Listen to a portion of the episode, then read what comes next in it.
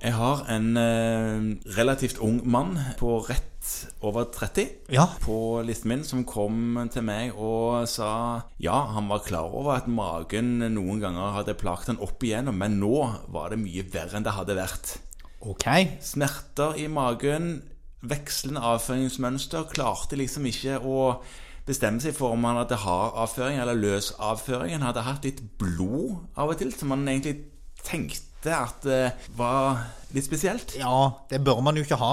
Nei, Nei. eh, han hadde jo trodd at det var eh, noe hemoroidegreier. Ja. Fordi eh, ja. Det kan det jo være. det kan jo være, Ja. selvfølgelig. Men eh, det var iallfall veldig utrivelig, dette med magen hans. Mm. Så jeg undersøkte magen hans, klemte litt på han. Han var, han var liksom øm overalt i magen. Akkurat. Når jeg spurte han, så hadde han nok kanskje òg sett litt slim. Ja. At han hadde hatt litt av det enkelte ganger hvor han hadde pressa skikkelig, så hadde det ikke kommet noen ting, bortsett fra noe slimete greier. Uff da. Gikk han på do ofte òg? Ja, relativt hyppig i perioder. Ja. men dette var, ikke, dette var ikke hele veien. Nei. Så det hadde vært det for en stund siden, så hadde det roa seg. Ja. Så hadde det jo vært sånn som unge menn eh, er skrudd sammen, da. Da hadde han jo blitt frisk, da. Ja. Mhm. Så hadde gitt seg dette her. Som han da hadde skrevet på Ja, man har vel ha spist noe rart, eller det var vel noe jeg hadde fått i meg, eller noe sånt som ja. Mhm. det. Men så hadde det kommet igjen. ja.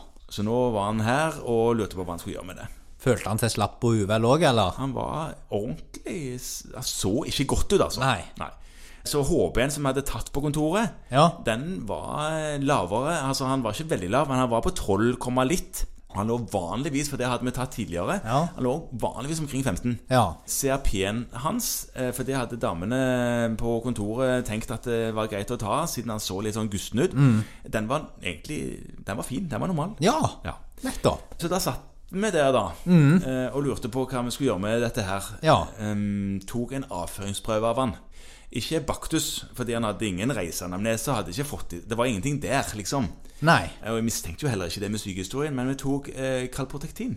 Ja. Og det har vel vi to prata om før. Det har vi snakket om før. Den var kanskje høy, den, da. Den var høy, og kalprotektin er en slags sånn CRP-prøve for eh, tarmen. For tarmen, ja. Ja. Så, men da går det jo litt tid, for den må man De aller, aller fleste får jo ikke noe hurtigtest kalprotektin inn på kontoret. Nei, den, vi, vi må sende den til et annet fylke. Ja. Så det gjorde jeg, og Ja. fikk tilbake igjen at den var høy. Da var han ikke så dårlig at du tenkte at nå skal han rett på sykehus. Nei, han, han, han klarte seg jo. Han Ja. fikk i seg mat, og han gikk eh, Ja da, det, det, sånn sett var det greit. Han ville ikke på sykehus heller. Nei, det kan jeg jo forstå. Ja. Men eh, ja, hva tenkte du da? Nei, jeg tenkte jo at dette må være en eller annen form for eh, Dette var litt sånn inflammatorisk, tenkte jeg. Ja.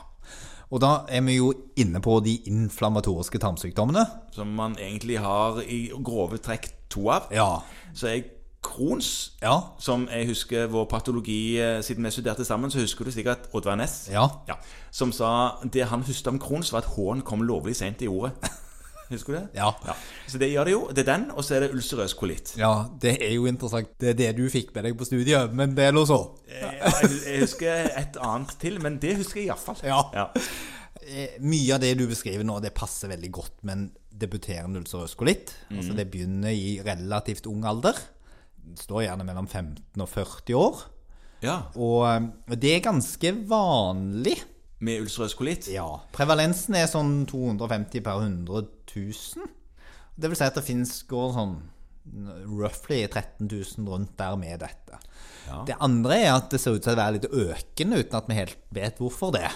Ja, Det er alltid kjedelig når ting er økende uten at Ja. man vet hvorfor. Men hvorfor er dette eh, eh, Man kan vel ikke egentlig si at det er en ulcerøs kolitt framfor en Crohns før man har gjort andre undersøkelser? Nei, altså det, nå må du jo først og fremst så må du jo da skopere mannen. Det sant? er jo det dette ender med, at du må henvise han opp, til en ja. koloskopi Japp. og få kikket opp. Ja. Det som kanskje er drevet av det, er at øh, sånn som du beskriver sykehistorien, så er, er det veldig mye disse avføringsplagene som driver pasienten. Ja. Ja. Mens hos Crohns-pasientene så er det relativt sett litt oftere magesmertene som driver pasienten uten at de nødvendigvis har like mye avføringsplager, fordi at de kan jo ha lesjoner i hele GI-traktus. Mens ulcerøs kolitt kun er i tykktarm. Mm. Og den er også sammenhengende, så den er ikke på en måte flekkvis i tykktarmen. Den begynner ofte et eller annet sted, ganske distalt, eh, og affiserer da tarmen oppover. Mm. Ja. Så da skuperte du den vel? Eh, Ikke selv, kanskje? Nei, men jeg fikk han skopert, ja. Ja, Og det er helt riktig, diagnosen var ulcerøs kolitt. da tar de, tar de og kikker opp, og da ser det ganske typisk ut, har de sagt. Jeg har ikke sett det, men, men det, Ja, det det- kan man visst se. Eh, Ja. Mm. Man får en sterk mistanke om at det er dette, og så tar man noen biopsier og sånn. ja. Og så får de behandling. Det fikk han din også, kanskje? Han fikk behandling som funka veldig bra. Ja. Og det første valget er da ofte det vi kaller for pentasa. Jepp. Ja. Dette er lokalbehandling. Det er lokalbehandlinger. Kan også gis i tablettform. Ja, det kan du. Ja. Og eventuelt steroider. Og så har de sånn, ja, sånn rektalskum. Ja. Mm. Og det funker veldig, veldig fint for veldig, veldig mange, men det er jo alltid noen dette ikke funker for, og da blir dette helt ut av våre hender. Ja, da overtar gastromedisinerne. ja. Da går det an for de vanskelige tilfellene at de får immunmodulerende behandling, og såkalte biologiske legemidler. Dette er en, på en måte en immunologisk tilstand, Ja, visst. og da blir det de samme medisinen som funker på mange av disse immunologiske tilstandene. Ja. Eh, Men så er det jo én behandling som løser dette problemet permanent, ja, du kan jo gjøre kirurgi. Ja. Og for pasienter der medikamentell behandling ikke kommer til målet, og som til tross for det har store plager, så er det faktisk en lette for en del av disse å få gjort en kirurgi. Særlig hvis de ikke har altfor mye proktitt, altså at det sitter veldig langt nede. Da er det litt lettere å få bort alt det syke. Og når man tar bort alt det syke, så forsvinner jo hele det inflammatoriske vevet. Fordi det som mange vil se, er at disse pasientene blir veldig allment påvirka. Det er et svært organ som er betent. Ja. Og det å gå med en sånn stort betent organ som ikke lar seg behandle med, med medikamenter, det gjør at du føler deg syk og slapp og dårlig, i tillegg til å ha mye vondt. Eh, Så for en del av disse er det faktisk en stor lette med kirurgi, og det, det skal man ikke glemme, og man skal ikke være så negativ til det. Noen av de må ha en forbigående stomi, noen av de blir gående med en stomi, og noen av de kan få en anastomose. Men kirurgi er aktuelt for de som da ikke kommer til målet med medikamentell behandling, ikke sant? Og nå sier dataen at ca. 66 eller to tredjedeler kom til mål med, med medikamentell behandling.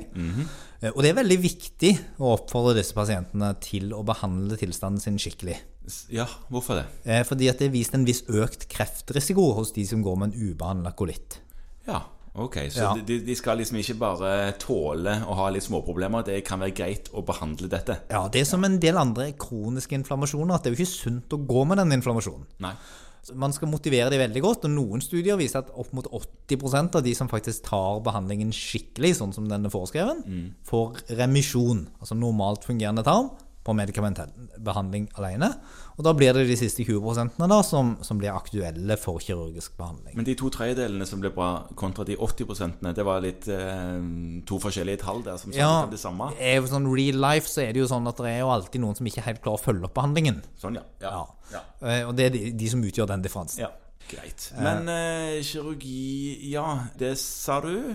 Er det andre ting? Er det, de har vel ofte, sånn som en pasient med eksem, som har f.eks. steroider tilgjengelig, så øker de dosen eller styrken på steroidene etter hvert som symptomene blir verre. Absolutt. Disse pasientene har en variabel sykdom. De kan få attakker. eh, Sånn at det er viktig at de t- titrerer behandlingen opp og ned. De fleste av de har oppfølging av en, en gastroenterolog i tillegg. Ja, og de fleste av disse ble jo også ganske rutinerte i sin sykdom. Absolutt. Men det å ha en litt sånn fast oppfølging av de, og passe på at de er der de er, at de ikke på en måte har blitt stressa i livet sitt og sluntra unna behandlingen en periode og bare akseptert en litt løs mage, det er ganske fornuftig. Så også dette er en gruppe kronisk syke pasienter som trenger fast oppfølging av fastlegen sin. Ja.